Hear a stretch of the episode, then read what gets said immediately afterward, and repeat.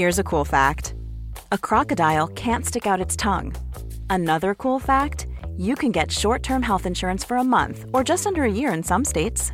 United Healthcare short term insurance plans are designed for people who are between jobs, coming off their parents' plan, or turning a side hustle into a full time gig. Underwritten by Golden Rule Insurance Company, they offer flexible, budget friendly coverage with access to a nationwide network of doctors and hospitals. Get more cool facts about United Healthcare short term plans at uh1.com. Planning for your next trip? Elevate your travel style with Quince. Quince has all the jet setting essentials you'll want for your next getaway, like European linen, premium luggage options, buttery soft Italian leather bags, and so much more. And is all priced at 50 to 80% less than similar brands. Plus, Quince only works with factories that use safe and ethical manufacturing practices. Pack your bags with high-quality essentials you'll be wearing for vacations to come with Quince. Go to quince.com/pack for free shipping and 365-day returns. Millions of people have lost weight with personalized plans from Noom, like Evan, who can't stand salads and still lost 50 pounds. Salads generally for most people are the easy button, right? For me, that wasn't an option. I never really was a salad guy. That's just not who I am. But Noom worked for me. Get your personalized plan today at Noom.com. Real Noom user compensated to provide their story. In four weeks, the typical Noom user can expect to lose one to two pounds per week. Individual results may vary. Palmemordet, Hans Holmér, del 5. Sveriges statsminister Olof Palme är död. 90 000. Ja, det är mord på Sveavägen. Hörde de säger att det är Palme som är skjuten. Mordvapnet med säkerhet är en Smith Wesson, en revolver kaliber .357. Inte ett svar. Finns inte ett svar. För jag har inget. Och jag har inte varit Varför skulle jag Polisen söker en man i 35 till 40-årsåldern med mörkt hår och lång mörk rock. Välkommen till podden Palmemordet som idag görs av mig, Dan Hörning. Som jag sa i förra avsnittet så blir det här avsnittet lite speciellt. I Hans Holmér del 6, det vill säga nästa avsnitt i serien, ska Olof Palme begravas och Hans fortsätter sin utredning. Men så har vi de här ljudfilerna från juristkommissionens förhör med Hans Holmér. Vi har tagit upp dem i del 2 och vi kommer att ta upp dem i kommande delar när det handlar främst om åklagarna och om Operation Alfa. Men det finns en ansenlig bit av förhören som handlar om saker som vi redan har passerat i vårt kronologiska narrativ. Så därför kommer vi ta upp dem i det här avsnittet. Det här avsnittet blir alltså lite annorlunda. Det det här avsnittet kommer handla om är främst de inledande timmarna i brottsutredningen och situationen när Hans Holmér kom tillbaka från sin semester. I korta avseenden berättar han om hur han fick information om mordet och hur upplägget såg ut från dess att han kom till plats dagen efter mordet. Holmér redogör för organisationen bakom polisarbetet vid extrema händelser och vilka åtgärder som kan komma att behöva vidtas. Det handlar alltså om organisation och beredskapsfrågor samt beredskapsorganisation inför extrema händelser. Det kommer också handla om hur ledningsorganisationen har sett ut, hur kommunikationen har fungerat, vem som ska ta ansvar vid skarpa lägen, vem som fördelar ut uppgifter och det handlar mycket om kommunikation och ansvarstagande. De utfrågande är alltså juristkommissionen. Vi kommer att behandla omständigheterna som Hans Holmér förhörs under av juristkommissionen i senare delar när vi kommer dit i kronologin. Och med det lämnar jag över ordet till juristkommissionen och till Hans Holmér. Saker som, som dels hade att göra med, med de inledande timmarna i den här brottsutredningen som, och, och eh, situationen när du, när du kom tillbaka ifrån den avbrutna färden till Sälen. Eh, vi tänkte också att vi skulle tala om, om fråga lite grann kring saker som vi har tagit upp i andra sammanhang men som i det här sällskapet kanske då kan behöva upprepas. Det är frågan om livvakteriet och terroristbekämpning. Mm. Vi får väl tillfälle att, att återkomma lite längre fram. Jag kan väl säga att vi, vi eh, som planerna nu, eller som det nu ser ut alltså så kommer vi att eh, lägga en rapport som vi har sagt tidigare vid månadsskiftet mars-april som innefattar då frågan om livaktiv, säkerhetsskyddet, terroristbekämpning, de centrala samhällsfunktionerna och de första, eh, första timmarna utav brottsutredningen och sedan i en andra, andra fas redogöra för, för eh, brottsutredningen. De delar eh, inslag i densamma som, som vi menar ligger inom vårt granskningsuppdrag och som sträcker sig fram då till tidpunkt när, när den här nya organisationen har till, till, trätt till. Va? Eller eh, alltså den 5 februari va? i stort sett. Eh, och eh, det här är alltså då som gäller polisarbetet eh, i inledningsskedet och livvakteri som sagt och bevisbekämpning och sen får vi tillfälle att återkomma till dig eh, i de andra delarna där ju naturligtvis eh, med den uppläggning som vi har tänkt oss du tar, intar ju en central roll. Så att säga. Det är dina, dina, eh, din uppfattning och din bedömning av olika saker blir väldigt väsentligt för, för vår bild av vad som hände i det som synes ha hänt. Så att säga. Men idag så, så ska vi inte behöva ta dig i din tid i anspråk mycket hoppas jag. Eh, utan att vi, vi, eh, ska kunna klara av det ganska snabbt. Mm, jag vet inte, är du med tanke på planeringen av fortsättningen, är du disponibel något sånär nu med viss framförhållning så att säga. Så ja. du kommer att vara i, i, i Stockholm det kommer jag. permanent. Mm. Så att vi kanske skulle kunna då med relativt kort varsel kanske kunna, kunna komma överens om en tidpunkt. Så det vi kunna prata om, om vad som kunna... händer fortsättningsvis. Det går säkert bra. Okej, okay, då så sätter vi igång. Det är alltså förhör med länspolismästare Hansson med. Dagen är tisdagen den 10 februari 1987 klockan är 10.30. Närvarande från kommissionen är förutom jag själv, eh, Per Nilsson, Olof Bergqvist och Karl-Ivar Skarstedt och Kjell-Arne Eliasson, Håkan Kyde, Jan Viktor, Gunnel Lindberg, Tore Samuelsson och Nils-Olof Berggren. Och vi tänkte väl att då vi skulle börja titta lite grann på eh, organisatoriska och beredskapsfrågor. Du har, vi har berättat om det tidigare men du kan kanske upprepa det för, för records sake så att säga det här om, om eh, beredskapsorganisation inför de här extraordinära händelserna så att säga och, och i, i vad mån då så att säga den, den här organisationen när den trädde i kraft eller i funktion så att säga i, i den här utomordentligt extraordinära situationen.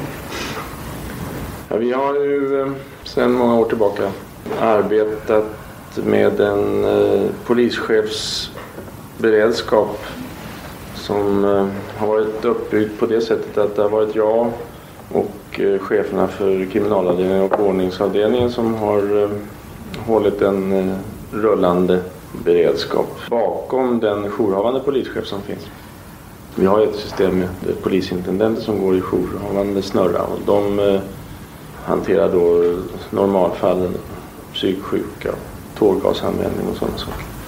Det är bara när, när någonting extremt eh, inträffar som den här bakjouren då ska träda i funktion. Det här har då eh, utökats med eh, biträdande länspolismästaren. När Gösta Welander kom till oss så kom vi på det sättet att bli fyra stycken. Som eh, helt informellt såg till att alltid eh, en eller ett par utav oss kunde svara för, för eh, insatser och bedömningar när det inträffade någonting, någonting allvarligt.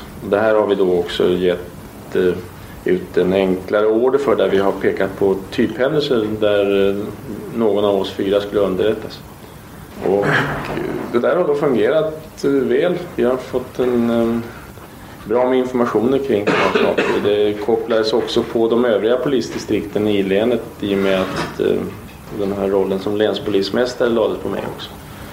Att vi fick på det här sättet en god bild av vad som hände i länet. Avsikten med det här var att eh, vi skulle då i de här extremfallen kunna bedöma vilka insatser som behövde göras i, i olika ärenden. Och för att det skulle fungera så hade vi också en, en principlösning på vilka som skulle kallas in till tjänstgöring när det inträffar extrema situationer. Typ eh, rånmordet i Värtan för att ta något som jag var med från början. Det hände då medan jag fortfarande var kvar på jobbet den här dagen. Så att jag kallades upp med detsamma och kunde på det sättet då se till att, att ledningarna för kriminalavdelningen och ordningsavdelningen samlades. Och vi hade bestämt att chefen för våldsroten och tekniska roten och för spansektionen och eh, i övrigt, eh, de här cheferna jag redan har nämnt, eh, är den första grupp som samlas och bedömer vad, vad krävs det för folket över det här. Det krävs ju då eh, tjänstemän av typen personalplanerare, sådana som kan ringa in spanpersonal till exempel. Se till att det kommer in folk. Så beredskapsplaneringen går ganska långt ner i organisationen alltså? Ja, det, ja, meningen är att, att vi ska ha så att säga en, eh, en trycka på knappen-effekt. Att vi ska tappa så lite tid som möjligt i början och att man sen får skräddarsy för varje uppkommande behov. Men normalt så behövs det både ordningspolis och kriminalpolis, spanare och utredningspersonal i början. Så därför så, så har man eh, sett till att vi i den här gruppen som samlas finns personer som kan dra på den här typen av resurser. Och den planeringen innefattar också då de kringliggande polisdistrikten? Det... Nej, det, det, gör det inte. Utan eh, det här är då någonting som bara tar sikte till Stockholm. Sen har vi diskuterat under våra överläggningar med polischeferna att, att de bör göra på motsvarande sätt. Jag har eh, jag tror inte att jag har varit inne i något operativt avseende i något annat polisdistrikt utanför här. Utan vi, har väl tagit kontakter och frågat. Men, men eh, jag kan ju alltså gå in och leda polisverksamheten mm. i andra distrikt. Men det har inte funnits någon anledning att göra det. Vi har väl hjälpt till någon gång men, men det har skett i ska vi säga, någon slags eh, samförstånd bara. De har stöttat upp polischefen på Så att eh, det jag hittills har beskrivit är någonting som gäller Stockholmsdistriktet. Vitsen med det här är då att, att om jag ser hur det var innan vi hade den här ordningen så, så hade man alltså en relativt detaljerad order där man ringde runt efter ett visst schema. Och eh, det gjorde att man fick ibland organisationer som inte passade behovet.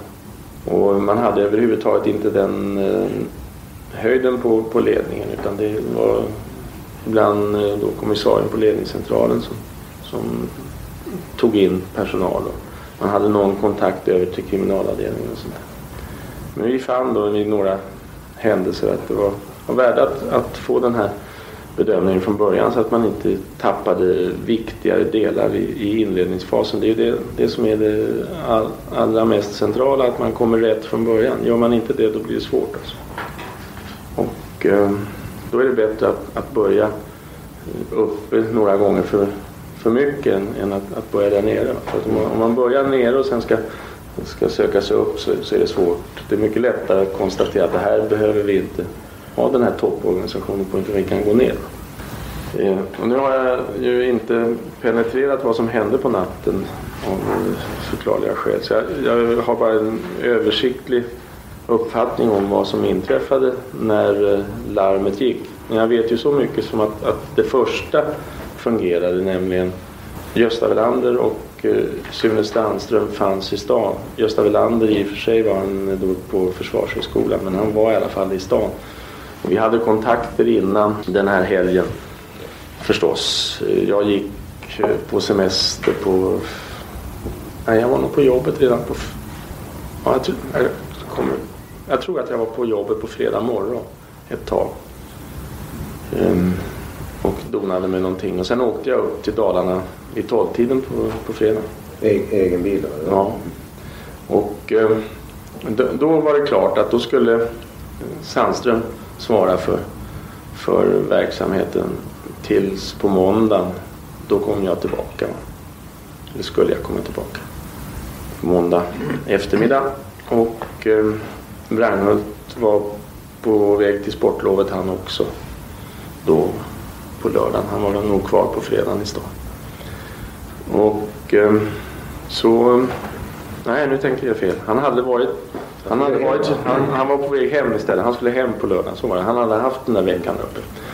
Eh, men Sune skulle då svara för, för jouren och eh, så hade vi Gösta med. Och vi sa som vi alltid brukar i den sammanhangen att då vet vi vad, vad vi kan göra ifall det inträffar något. Så det var helt enligt, enligt eh, vår regelbok så att säga.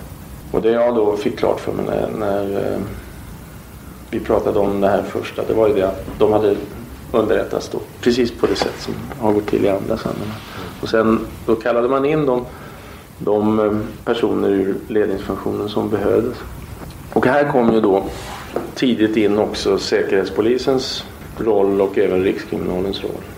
Så att när jag kom då 10.50 då, då var det helt färdigt så att säga med, med hur, vilka enheter som, som det var nödvändigt att arbeta med. Det var då, förutom Stockholmspolisen, då, de här bägge Rikspolisstyrelsens mm. enheter. Och sen så, ja, så långt fram till, till tolvslaget så att säga på lördag. Mm.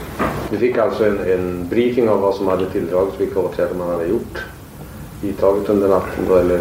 Nej, det, det gick till så här eh, att eh, jag fick eh, information om mordet av receptionisten på hotellet där jag bodde. För jag hade stängt av mig från yttervärlden för att ladda inför Vasaloppet.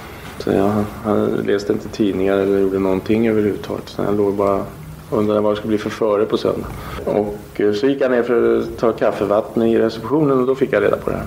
Och då gick jag upp omedelbart och ringde till eh, radion och eh, min tanke då var att jag undrade om man hade gripit gärningsmannen eller om, ja, sådär. Någonting som möjligen kunde påverka mitt närmaste agerande det, det var det, om det ena eller andra slaget. Ja. Så långt hann jag tänka här. Men eh, jag fick ju då klart för mig att det var långt ifrån fallet. Där man sa att man visste egentligen ingenting. Och då sa jag det att eh, jag vänder och jag är tillbaka om ett par timmar. Eh, då talade jag först med kommissarie och sen talade jag med Kurt Nilsson. Talade då inte med Gösta Benander för han hade annat att göra.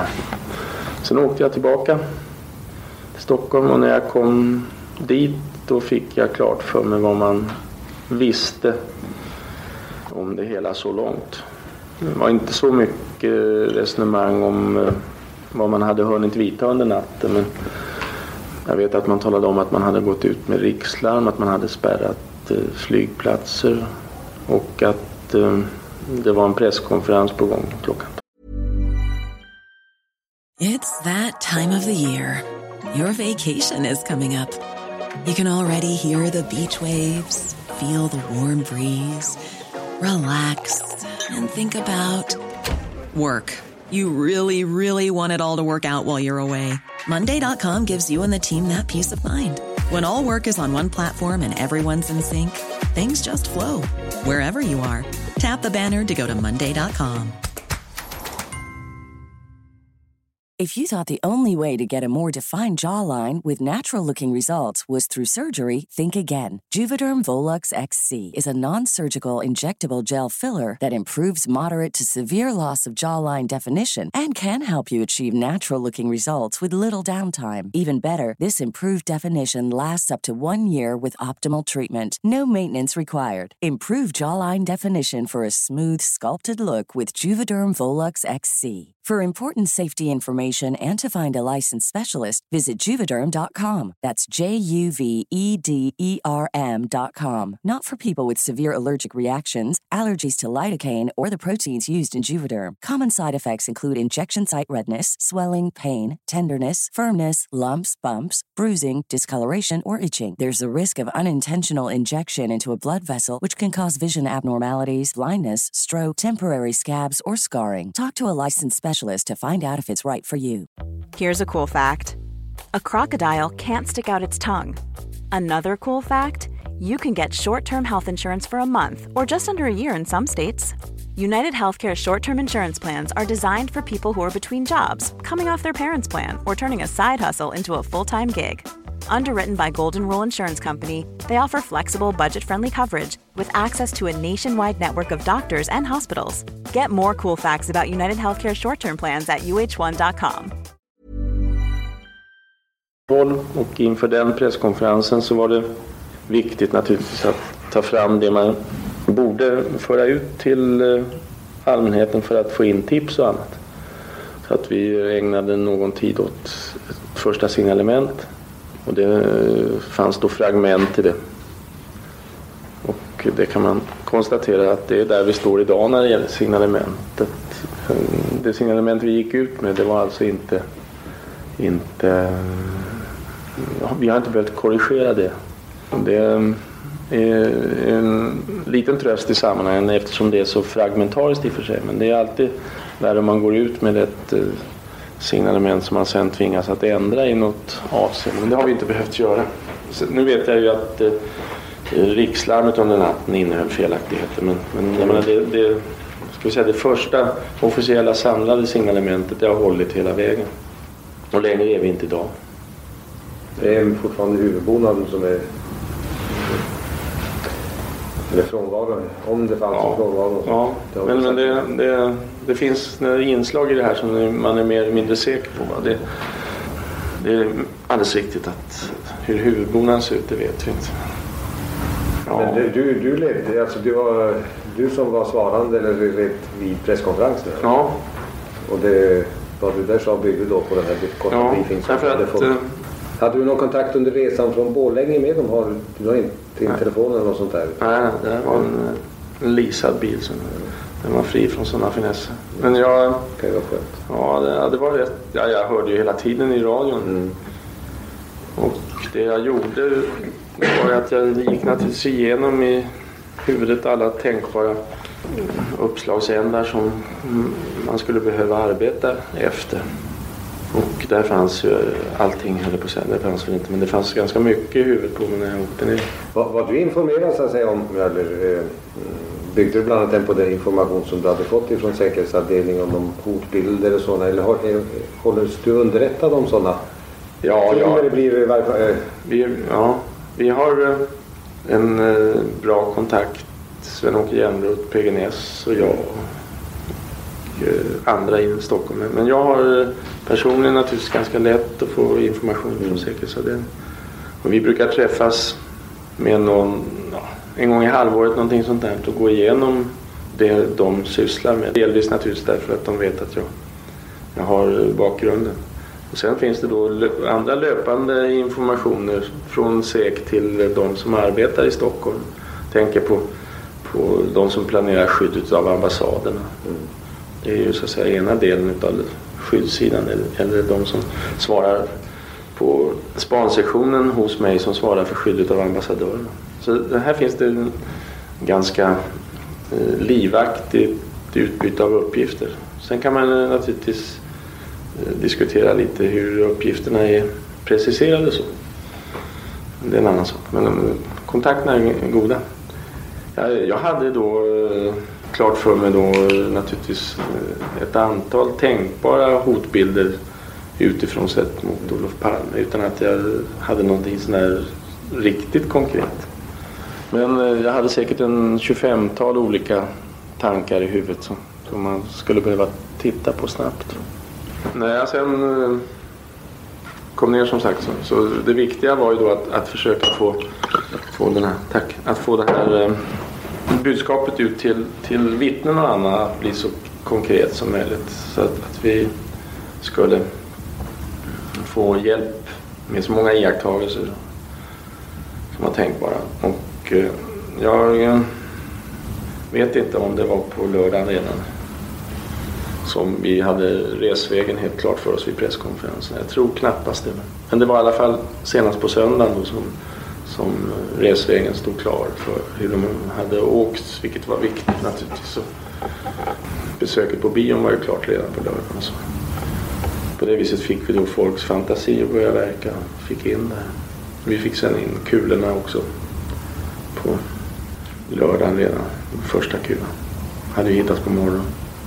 Och sen så hittades den andra kulan efter presskonferensen på söndagen. Men eh, det var egentligen min första insats så att säga. Det bildade mig en uppfattning om hade vi någonting speciellt och vad skulle vi gå ut med.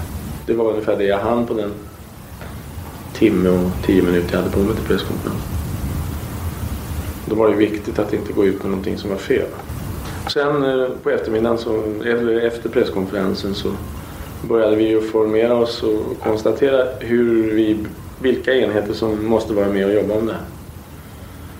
Och det var ju fortfarande i ett tungt eh, skede för ordningspolisen. Det är ju så med alla sådana här händelser. Jag tänker då på eh, våld av något slag i en storstad. Att det, I början har ett inslag av ordningspoliser som kanske dominerar. Det är de som kallas till platsen. Man får vissa eh, dörrknackningsåtgärder på restauranger och annat som ägde rum under natten och fram på morgonkulan här.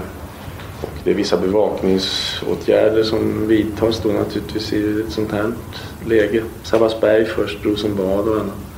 gjorde att eh, vi var uppe i en 300 poliser då de första dygnen. Varav en mycket stor del var ordningspoliser. Sen kunde man då också se hur det här borde läggas upp med en tipsmottagning på eh, första roten och med spanpersonal från både Rikskrim, Säkerhetspolisen och från vår egen enhet. Och, eh, att eh, finna någon form för att hålla ihop det här mycket vidsträckta spaningsarbetet. Och redan på lördagen då så hade vi någon slags första sittning i den här gruppen. En grupp som vi egentligen sen har bibehållit hela tiden. Den har naturligtvis varit några finjusteringar men, men principen har hela tiden varit densamma. Fungerade planeringen eh, så, som, med tanke på eh, hur, i princip i varje fall som, som det var tänkt? Har ni, eller har ni, gjort, har ni gjort några justeringar i, i så att säga, planeringen inför eventualiteten av en annan ytterligare extraordinär händelse? Nej.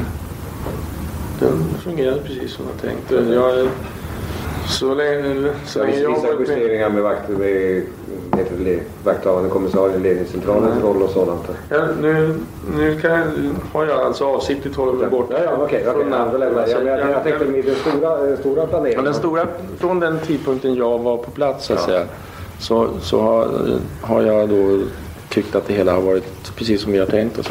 Vad som hände under natten här i olika faser det, det kan jag inte bedöma. Nej, nej, det, men i stort sett alltså, mm. det är inget, inget grundskott mot nej, planeringen? Nej.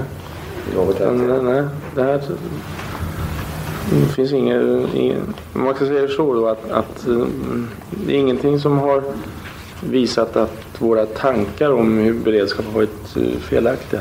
Nej. Ja, Kjell-Arne. Ja, vi har terrorism och livvakt. Ja, är det ytterligare på den här biten? Nej, det, det är Håkan. Förlåt. Ja, ja eh, jag tänkte också gå lite grann till den här beredskapsproblematiken generellt sett. Den här händelsen som sådan aktualiserar ju det, men om man frikopplar den från själva händelsen. Jag har berättat om, om den här särskilda ledningsjouren. Det är alltså en, en form av fast organisation kan man säga som, som ju finns då, så har vi polischefsberedskapen. Om jag förstod det rätt så bygger ju det här på att man i ett sånt här läge kallar in då nyckelpersoner och sen tar man fortlöpande ställning så fort som möjligt till hur mm. ledningsorganisation och organisation i ja, ska byggas upp. Första normala är telefonkontakt ja. alltså. Det finns ju också då en del om man så kallade fasta planer i sådana här sammanhang som gäller då olika typer av händelser eh, särskilda insatser vid större händelser och mm. grövre våldsbrott och, och, andra former av direktiv man kan tänka mm. sig, stående sådana. Mm. Hur ser du på, på de, den typen av beredskapsåtgärder hur, i, det, i ett sånt här sammanhang? det finns ju då vad man kan kalla för åtgärdskalendrar för, för kommissarien till exempel. Mm. När det inträffar ett bankrån eller vad det nu kan vara så, så finns det då förprickat nära nog vad man ska göra i mm. eh, Och det är någon slags... Eh, menar, det, det, det, är någon plan för att få eh, polisverksamheten att så snabbt som möjligt eh, gå, när det gäller de rena verkställighetsåtgärderna i inledningsskedet, att de ska fungera. Mm. Så att eh, de gör ju oftast så, kommissarierna, om det inträffar någonting. Att, eh, jag kommer att tänka på bara, vi hade en eh, bomb utanför eh, polisstationen i, på Söder för ett par år sedan. Och då, det här inträffade klockan 23. Va? Och jag hörde på nyheterna, för de hade med det på nyheterna som någon slags eh, telefonbesked. Jag hade just gått och lagt mig så jag började klä på mig. Och då ringde kommissarien till mig och sa det här. Ja, jag har hört det. jag kommer in. Så jag alltså vänta med att kalla in några tills jag fått bättre bild om det här. Men jag är inne om en kvart. För jag hade bilen hemma så det var bara att dra iväg. Och då ringde han mig efter det att han hade vidtagit de första åtgärderna. Därför att det viktigaste är ju att man spärrar, att man, man gör det här som inte tål uppskov. Om jag underrättas 10 eller 15 eller 20 minuter efter, det, det spelar mindre roll i sammanhanget. Utan det viktigaste är att den här första åtgärderna, avspärrningar och lite annat sånt där, kommer till snabbt. Och det är för, för den typen av förstahandsinsatser då finns det då olika sådana här åtgärdskalendrar kallar vi det ibland. Mm. Därmed kanske eh, inte minst de här eh, kommissariernas rutin och erfarenhet spelar stor roll. Så att, att grundsynen bygger på alltså att, att i det skede intill dess att ledningspersonal har kontaktats och eventuellt inställt sig så ska så att säga de stående, det stående planverket fungera. Ja. Och eh, i övrigt så är det då en flexibel, man, man syftar till en flexibel och till varje situation anpassad organisation Ja, som bestäms då för varje fall av den ledningspersonal som kommer in. Exakt. Den här fasta delen utav beredskapsverket så att säga, det här systemet. Har, har du någon uppfattning om hur det har verkat i det här sammanhanget, i den här händelsen? Mm. Ja, jag återgår till det här att jag har inte brytt mig om att bryta med den eftersom jag visste att ni skulle göra det. Så tänkte jag, ja, får ni göra det. Det ska vi göra. Eh, eh, det, det, det gäller också då de här erfarenhetsberättelserna som Mm. ju sed på sedvanligt sätt eh, infordrades efter händelsen. Mm. De har du heller inte Jo, jag har läst dem. Därför att, eh, jag vet inte om vi pratade om samma sak men, men det var en av de första åtgärderna som jag eh, beordrade. Det var att de skulle skriva ner vad de hade varit med om. Men eh, jag har läst dem naturligtvis. så. Men enbart med den utgångspunkt, i den mån de hade bäring på själva, själva mordet och eh, utredningen. Mm. Ja. Alltså inte när det gällde själva polisinsatsen. Nej, utan bara vad de gjorde och hur de upplevde natten. Sen har vi då eh, naturligtvis tittat på eh, olika iakttagelser från poliser och andra. Hur de här larmen har, har gått ut och vad man har letat efter för typ av människor i området. Det har, har jag haft anledning att intressera mig för. Men om man har gjort det ena eller andra vid rätt tidpunkt, om man kunde ha gjort det tidigare eller inte, det har jag inte någon värdering som är värd att lägga i vågskål. Sådana här eh, beredskapsproblem det berör ju också andra saker. Det, det är ju resurser, personal, utrustning, teknik. Mm. Också om man håller sig till den generella situationen. Hur, hur har myndighetens och, din syn som myndighetschef varit på, på de frågorna? Ja, normalt sett då så, så fungerar ju en polisinsats under ja, i vart fall sex timmar utan att man behöver tänka på den, den typen utav åtgärd.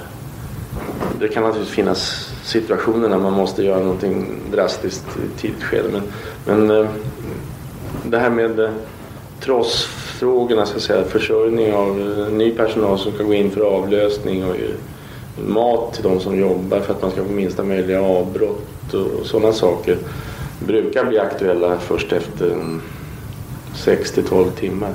Och då har vi ju, ju kallat in till gruppen, eller i alla fall direkt till gruppens, gruppens förfogande då personer från administrativa byrån. Och sen har man också kallat upp, det var det jag nämnde något om, eh, de som är ansvariga på ordningsavdelningen eller kriminalavdelningen för personalredovisningen. Det är de som, som planerar verksamheten normalt när det gäller listor och sånt där. De går då in i det här och får ringa efter personal till exempel. Och det finns ju då telefonlistor och annat. sådär. det är ju förberett i fredstid så att säga. Tycker du att man kan säga att myndigheten har satsat på teknik när det gäller att, att möta sådana här särskilda händelser? Jag tänker på kommunikationsutrustning, särskilda, eh, särskilda apparatur för att underlätta ledningsfunktioner och sådant. Rimligt. Vi, vi, har, ju- vi har naturligtvis inte haft, alla har inte haft personsökare som kanske skulle haft det, har jag förstått. Men, men, eh, men det är, vi, vi har ju kontakt med varandra. Där radioförbindelser och annat har ju fungerat. Det, det, Men du bedömer Stockholmspolisens möjligheter när det gäller den tekniska sidan att, eh, som, som, hur, ja, hur bedömer du dem? eh, Ja, de är goda. De är Ja. sammanhanget. Ja, vi har eh, haft eh, ganska många tillfällen att pröva den här ledningsorganisationen i, i, i skarpa lägen så att säga. Vi har inte haft några övningar där vi bara har, har övat ledning. Däremot så har, har vi då eh, diskuterat igenom olika eh, tänkta situationer och arbetat med eh, väsentligen piketstyrkorna ute på, på plats. Typ bränder på sjukhus, störtning på Arlanda, klorgasolycka vid Västerbroplan och sådana saker. Där vi alltså mentalt har förberett oss för vad man kan tänkas behöva göra. Men det är inte så här att vi har larmat mitt i natten för att vi ska se hur fort vi inställer oss och hur snabbt vi börjar tänka. Så har vi inte övat. Men eh, nivån under oss, säger så, har, har drivit ganska mycket arbete när det gäller avspärrningar och annat. Ja, vi har ju berört vissa regionala aspekter när det gäller alltså den här eh, ledningsjouren så Mm. är den ju av regional karaktär. Några andra sådana aspekter på detta som har varit aktuella? Nej, någonting jag kommer att tänka på som kanske inte har att göra med, med, med den frågan men det hör hemma någonstans här. Det är då vilka som ska underrättas ifrån Stockholmspolisen när någonting sånt här inträffar. Och eh, bortsett nu från allt det som man naturligt gör i det första skedet innan polischefen eh, finns på plats. Alltså. Men när jag har varit eh, på plats där så har jag då tagit på mig ansvaret för all extern information utanför polisväsendet. Då. Eh, Till departementet till eh, landshövdingen och även då till rikspolischefen och polisstyrelsens ordförande. Den typen av serviceinformation har jag tagit, lyft bort ifrån mm, de som jobbar med, med mera interna frågor. Ja, sen vi kan bortse från den här planeringssidan för att den innefattar naturligtvis länsbitarna i olika avseenden, Ja. katastrofbiten och så vidare. Men det var inte det jag tänkte. I, i anknytning, med anknytning till det här så, så mm, kan man då föreställa sig att eh, även med utgångspunkt i beredskapsaspekten att det aktualiseras frågor som rör fördelningen mellan olika polisorgan när det gäller befogenheter och uppgifter. Har det aktualiserats någon gång, alltså utav andra polisorgan än Polismyndigheten i Stockholm? När det gäller beredskapsfrågor, beredskapsresonemang. Jag.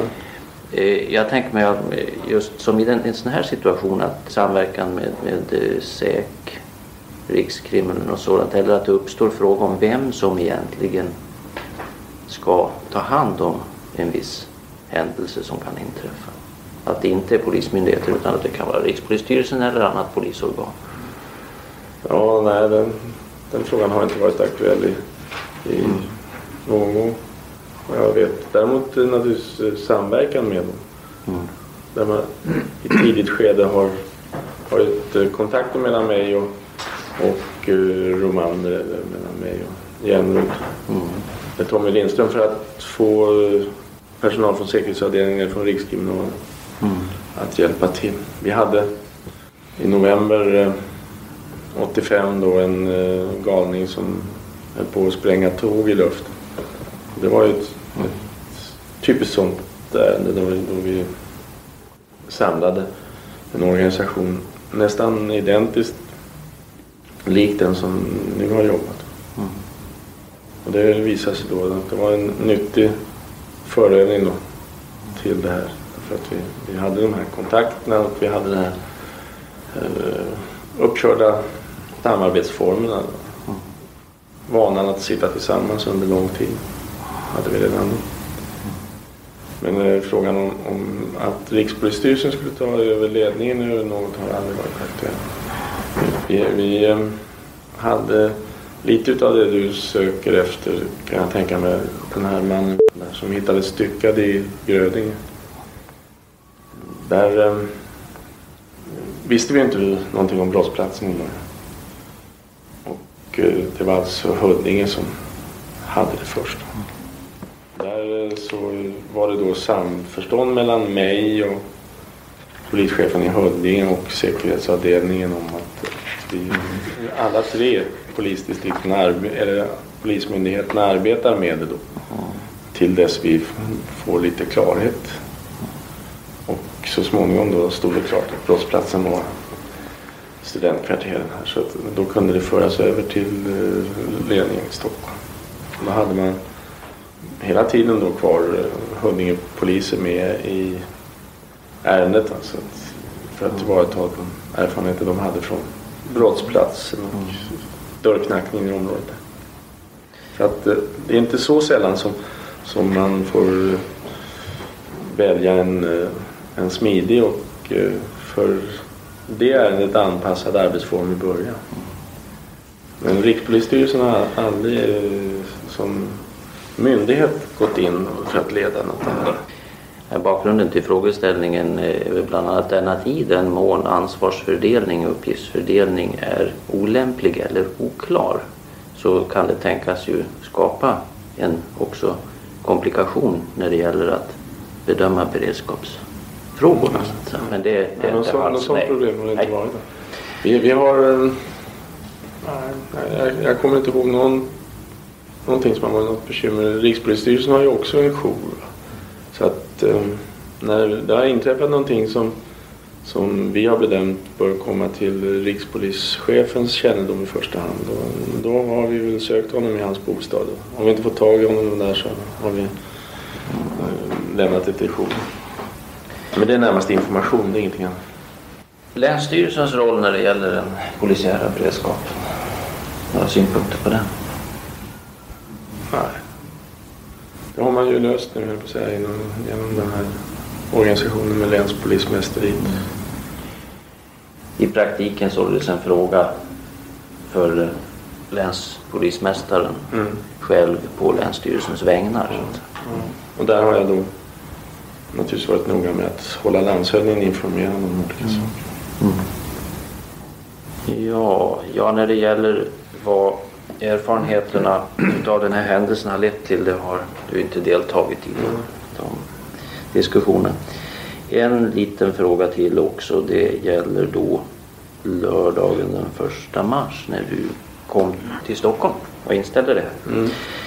Tog du, fann du då anledning att vidta någon omedelbar åtgärd som, som mera direkt syftade till att ändra eller komplettera någon åtgärd som hade vidtagits på natten?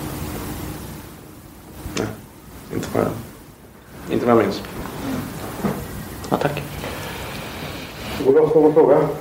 Ingvar? Ja, två. Hade du under första dygnet någon kontakt angående fortsatta arbetet med åklagarorganisationen?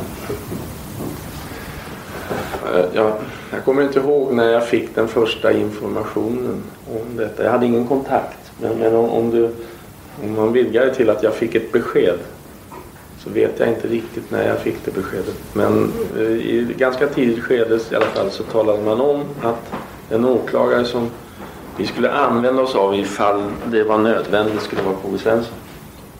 Det, det beskedet var det första som jag kommer ihåg. Men jag kan inte lägga det fast i tid. Nej, nej, det är inte det. Nej, nej, men det, det beskedet fick. Och sen andra fråga, hade du några kontakter med företrädare för justitiedepartementet under det första dygnet angående ledningsorganisationen och fortsatta arbetet? Nej, det har inte vid något tillfälle diskuterat organisationen med departementet. Utan eh, det, det är ett eh, avgörande som jag har träffat helt utan att eh, rådgöra med någon annan än rikspolischefen därför att jag ville veta nog, kanske inte i början för det var så självklart att SEK och eh, skulle ställa upp så att säga utan att vi behövde bestämma att de skulle stå till mitt förfogande utan det var ju någon form av samverkan det skedde i början. Utan det var, ja, jag har noterat någonstans, jag tror att det är den 4-5 mars någonting sånt där. Och var måndagen, det måste rimligen ha varit den tredje va? Jag tror att den tredje på kvällen så hade vi resonemang om det här och då stod det klart att, enheter enheter skulle ställas till mitt förfogande direkt. Så att ehm, det är bara Romander som, som jag har pratat med om det här och så att säga diskuterat frågan med. När jag kom då 10.50 till eh, ledningscentralen då var Claes Bergstrand i rummet.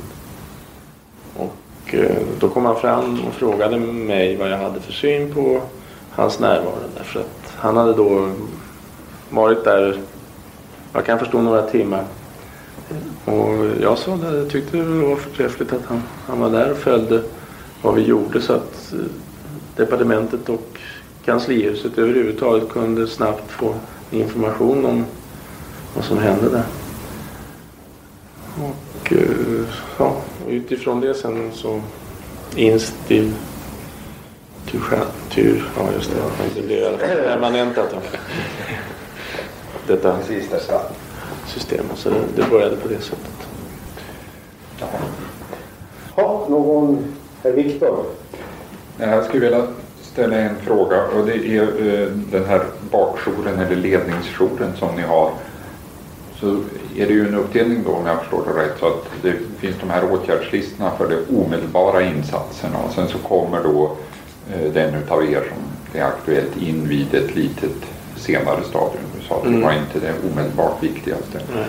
När någon utav er kommer in, är det så att eh, ni informerar er om precis närmare vad som har hänt? Låt säga på sådana saker som avspärrningar eller eh, hur eftersök görs eller eh, eh, åtgärder utav, av det slaget. Det som finns alltså med på de här åtgärdslistorna.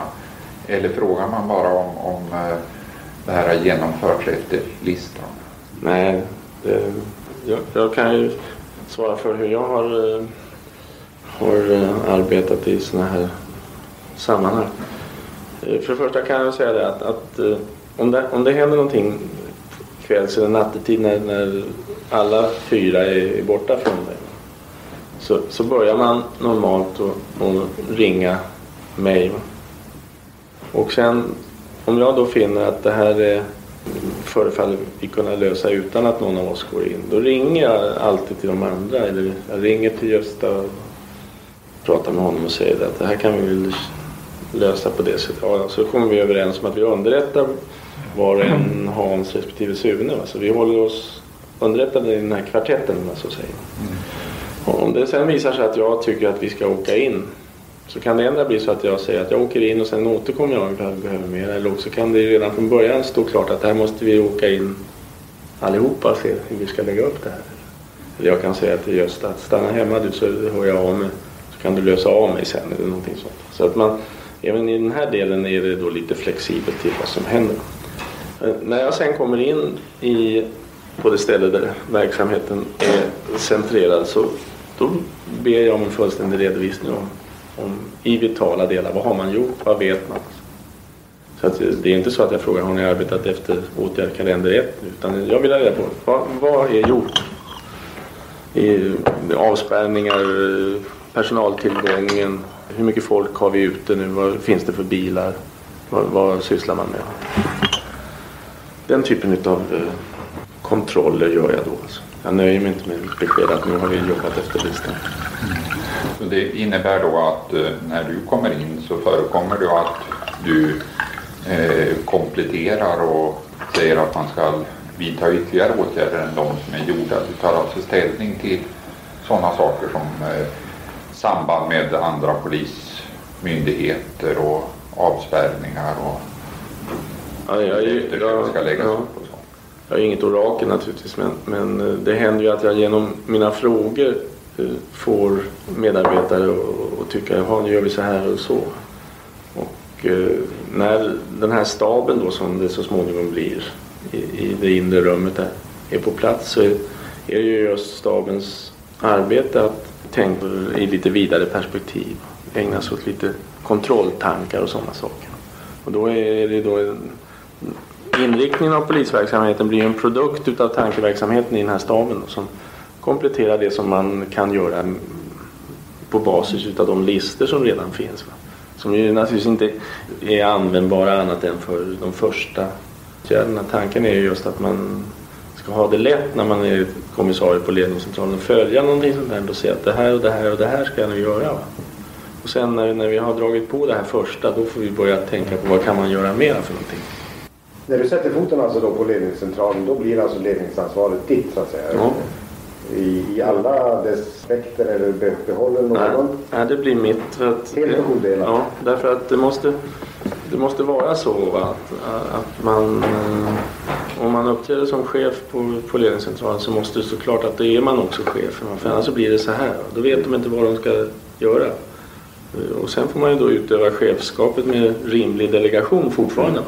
Självfallet. Att Uttalad det, eller underförstådd delegation? Eh, Uttalad delegation eller du, i, i är deklaration? underförstådd mer eller mindre. Jag menar, det, Genom att du lämnar över uppgifter så att säga? Eller? Ja, jag, jag, det är ett naturligt samarbete mm. där eh, vitsen med den här eh, särskilda staben, om vi kallar det så, som då upprättas vid en särskild händelse, är att man lyfter bort arbetet ifrån den reguljära polisledningen som går genom kommissarien ute i, i ledningscentralen. Så att eh, han ska inte längre syssla med det ärendet då. Det, kan, det, nej. Han ska ta hand om den vanliga verksamheten ja, som ligger vid sidan ja, av det. Ja. Därför att, att eh, vi har ju många gånger tvingats arbeta under, under lång tid med, med ett ärende som har skötts eh, från det här inre ledningsrummet medan eh, verksamheten i övrigt har fungerat i Stockholm. Så att man tar alltså in eh, sådana eh, radiomöjligheter så att man kan styra verksamheten därifrån och sätter en eh, kommissarie eller motsvarande som ska ersätta den här andra kommissarien. På det sättet så, så får man då det hela att, hamna då i knäna på mig då, om man så säger. Men då, då, då vet man, hör man vad han säger och han hör vad jag säger och så. Men i princip alltså som om, om du sköter bankrånet så sköter han lägenhetsbråken? Alltså. Mm, precis. Och ehm, sen, sen eh, så är det viktigt då att, att ehm, komma ihåg, eller erinra om kanske att, att de här eh, ledningarna då från det inre rummet har ju inte så sällan letts utav eh, polisintendenter då, typ Sven Persson eller Kurt Nilsson. Man, man höjer alltså upp den, den, praktiska ledningen ute på fältet från att vara på kommissarienivå till att komma på intendentnivå då, och dessutom då direkt under polisledning. Det har varit ett utav eh, viktigare effektökningsstegen så att säga, att gå upp så. Så att eh, det har varit en intendent som har, som har lett det hela. Sen så har vi då eh, operatörer som har fört ut det till bilarna. Och det här har då varit underlättat befälsföringen av olika skäl. Det är nästan alltid fråga om relativt kaotiska situationer när det är någonting sånt här stort. Det kan inte jämföras med det, med det här men jag menar, det finns, vi har fått en försmak om problematiken. Nils-Olof hade en fråga. Ja, du sa att eh, när du eh, är med i sådana här eh, allvarliga händelser så känner du personligen ett ansvar för att eh, stå för underrättelser till länsstyrelse och till departement och liknande. Och det skulle betyda att om du hade varit med här från början och hade varit i Stockholm så hade du känt ett ansvar för att ta kontakt med departement och länsstyrelse och liknande i den här händelsen. Är det så att de andra cheferna som nu gick in när du inte var där Känner de samma ansvar eller har ni diskuterat det här att det är någon gemensam policy? Nu var det, var det bara du personligen som nej, har den uppfattningen? Nej, det, det har ju, de har varit med så många gånger. De har ju upplevt hur det har fungerat. Och, och eh, det är en självklarhet att man måste underrätta. Vi har... Eh, vi får, man, bland de här rutinåtgärderna som startar är att man börjar ett, ett Eh, en loggbok ett protokoll som jag har. Och där är, har jag då alltid sett till att om jag har underrättat justitiedepartementet, talat med Harald Fält till exempel. Så har jag alltid till operatören sagt, eller den som för loggboken, att klockan si och så nu. Nu har jag underrättat justitiedepartementet genom Harald Fält. Och vilka som ska underrättas, det växlar ju lite från fall till fall. Men det är ju alltid fråga om departement, rikspolisstyrelse, landshövding, polisstyrelsens ordförande i någon slags fallande skala. Sen. Men i just det här fallet så blir ju exempelvis inte Länsstyrelsen officiellt underrättat överhuvudtaget. Nej, ja, ja det vet jag. Så det blev de inte. Jag, jag har nog jag har läst tidningarna om att landshövdingen var i utlandet. Ja, Paris. Ja, men det, det hindrar inte lagfarten. Men det, det är sånt här som man har i förlängda bergen. Ja, tack. En, en, en liten fråga till. Mm. När det gäller den här fördelningen av uppgifter och så vidare i den här typen av arbete i ledningscentralen eller sammancentralen mm. som det heter numera. När du har, har varit där, har du någon gång upplevt att det Eh, uppkommit osäkerhet om fördelningen utav uppgifter eller ledningsansvar om man uttrycker det så. Mellan olika funktionärer. Ja, det, det gör det naturligtvis. Det är ett av skälen till att jag har suttit där för att kunna, kunna eh, slita en tvist inom citationstecken. Det, det är ofta så att, att det kan vara tre olika enheter som kan tänkas lösa en uppgift. Och då, är, då är det ju bara det man eh, behöver säga att den, jag tycker att A tar det här. Va? Då vet ju de andra att man löser det. Det är ju typiska chefsrollen. Att välja ett av flera alternativ så är ju osäkerheten ur vägen. Cool fact a crocodile can't stick out its tongue. Also, you can get health insurance for a month or just under a year in some states. United Healthcare short term insurance plans, underwritten by Golden Rule Insurance Company, offer flexible, budget friendly coverage for you. Learn more at uh1.com. Even when we're on a budget, we still deserve nice things. Quince is a place to scoop up stunning high end goods for 50 to 80% less than similar brands. They have buttery soft cashmere sweaters starting at $50, luxurious Italian leather bags, and so much more. Plus, Quince only works with factories that use safe, ethical, and responsible manufacturing. Get the high-end goods you'll love without the high price tag with Quince. Go to quince.com/style for free shipping and 365-day returns. Planning for your next trip? Elevate your travel style with Quince. Quince has all the jet-setting essentials you'll want for your next getaway, like European linen, premium luggage options, buttery soft Italian leather bags, and so much more. And is all priced at 50 to 80% less than similar brands. Plus, Quince only works with factories that use safe and ethical manufacturing practices. Pack your bags with high-quality essentials you'll be wearing for vacations to come with Quince. Go to quince.com slash pack for free shipping and 365-day returns. Men av de fasta funktionerna i, i sambandscentralen där har det rått osäkerhet där också eller de Ja, fungerar menar, du, menar du nu sambandscentralen, den reguljära? Ja, just det. Vakthavande Jaha, kommissarie. nej, jag var inne i, Ja, nej, i jag tänker båda delarna. Du har Ja, frågat på det ja, men ja. det andra. Det, alltså. det andra. Ja, det är... Jag tror att, att eh, om det finns något, eh, någon eh, sektor som det är svårt att ha några regler för va? så är det gränsen mellan kommissariens roll och eh, de befäl som finns nere i gropen. Och det där brukar lösas så att kommissarien går ofta ut på bryggan som man säger. Ställer sig där och sen så skriker man ner och säger eh, jag tar det eller vem tar det och sånt där. Så att, att eh, trots att de har jobbat så länge och eh, nosat på de här svårigheterna så, så har man inte lyckats skriva klara regler. Jag tror inte det går helt enkelt utan fallen är så, är så vitt skilda åt så att det måste finnas en gråzon. Den brukar man lösa genom att de går ut på bryggan och då förstår man nu är det någonting som de, det räcker inte snabbtelefon va, utan nu får de ut och ha direktkontakt. Det, det har alltså funnits ett behov av att du har behövt säga att jag tar nu över det här ärendet. Du sköter den, fortsätter att sköta den uppgiften Mm. Ja. eller det och det fullföljer de Men det, de det löser alltså kommissarien med, med, Med befälen. Men jag har aldrig behövt gå in och säga något sånt. Inte mellan dig och kommissarien så att säga. Och, utan att det har... Mm, nej, utan, utan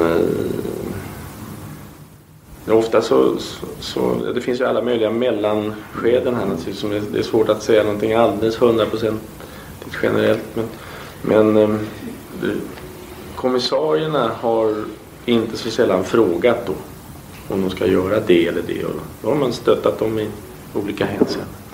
Men den viktiga punkten är väl när, när så att säga, ledningsansvaret går ifrån kommissarien där ute in i, i rummet. Så den, den punkten måste vara klar. Men den är väl ganska klar. Om du kommer dit så att säga mitt i natten så att säga så är där en markering att detta är en extraordinär händelse. Och när du, när du går in där alltså så innebär det att ansvaret för ledningen... Ja, ansvaret finns men det jag tänker på är att eh, hur länge ska kommissarien där ute Syssla i Hästskon syssla med ärendet? För det, jag tar ju inte över kommunikationsbiten utan det är först när, när staben är bemannad där inne på ett sådant sätt att hela ledningen, då gör man klart att nu går vi över. Och kommunikationsutrustningen finns i ledningsrummet Ja. alltså med särskilda operatörer. Rummel, Lindberg. Eh, Jag, skulle bara vilja ha ett klarläggande på en punkt. Du har pratat om att när det gäller ledningsorganisationen så organiseras den från fall till fall beroende på vad ni anser vara lämpligt. Eh, Och när det gäller den omedelbara polisinsatsen då sker den efter åtgärdskalendern och så vidare. Men jag tänkte speciellt på kriminalavdelningen här. deras beredskapstänkande så att säga är ju uppbyggt på organisation och hur man på verkstadsgolvet ska jobba på den enskilda roten. Ska jag förstå det så att det organiseras också från fall till fall? Ja, där, där finns det ju, man kan väl säga, alltså, jag kan svara ja på din fråga först. Att det, det, man eh, kan ibland tvingas att göra extra arrangemang. Men eh, där har vi ju vaktroten då på kriminalavdelningen som fungerar på samma sätt då som ledningscentralen dygnet runt. Och vilket innebär att eh, när någonting sånt här inträffar så får vaktroten omedelbart en underrättelse från ledningscentralen om att det här har hänt. Då börjar deras rutiner att ticka. Och det finns ju då folk på plats. Det finns en kommissarie. Det finns andra som kan sättas in för eh, verksamhet ute på fältet eller för att ta emot folk som förs in eller vad som helst. Och så finns det då beredskapsfolk på kriminalavdelningen. Eh, som det är då förutbestämt. Det är bara att trycka på knappen så kallar man in de som har beredskap på kriminalavdelningen. Och eh, i ett sånt här fall om man behöver mycket folk så, så kan man då sätta några på, på vaktroten som ring, ringer in ännu fler om det skulle visa sig nödvändigt. Eh, I det avseendet kan man alltså anpassa bemanningen till en särskild situation. Men normalt sett så klarar man rätt stora påfrestningar genom vaktgruppens personal på det här sättet. Dessutom så, så finns det då ute på stan olika enheter som tillhör kriminalavdelningen redan. Jag tänker på spanbilar som är ute. Det finns bilar för utlänningskontroll och sånt. Så det, kriminalavdelningen har en, en eh, icke förakt för bemanning även under obekväm tid. Det var inte det jag i första hand tänkte på utan jag tänkte på det finns ju en planläggning för hur man ska organisera upp arbetet till exempel när det gäller mord, spaningsmord. Och det gäller ju organiserandet även på längre sikt. Mm. Det, det, det är på den punkten jag vill fråga dig. Görs den organisation in casu där också alltid? Nej, det är Eller följer man någon given Nej, ett mord, ett mord. eh, Problemet är ju första insatsen. När man väl kommer igång på rull så att säga. Så har man ju eh, våldsroten som handlägger mordet på samma sätt som man handlägger det här mordet också. När det gäller tipsmottagning och eh, utredning och mer. Det är beredskapen för en sån organisation jag är ute efter. Hur är den beredskapen enligt din mening? Ja, den, den beredskapen... eh, Den, det krävs ju inte någon annan beredskap än, än att det finns en, en första rotel. Va? Därför att mm, de börjar jobba på åtta på måndag morgon. Och sen får man se då om de behöver arbeta längre tid. Då.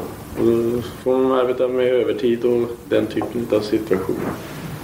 Så att själva problemet är att få situationen från det mordet inträffar till dess man har reguljära styrkor på plats att fungera. Det är den typen utav, utav tillfälliga arrangemang som kan behövas. Men då säger jag att det underlättas då utav att vi har en vaktrotel och vi har då möjlighet att kalla in beredskapstjänstgörande personal.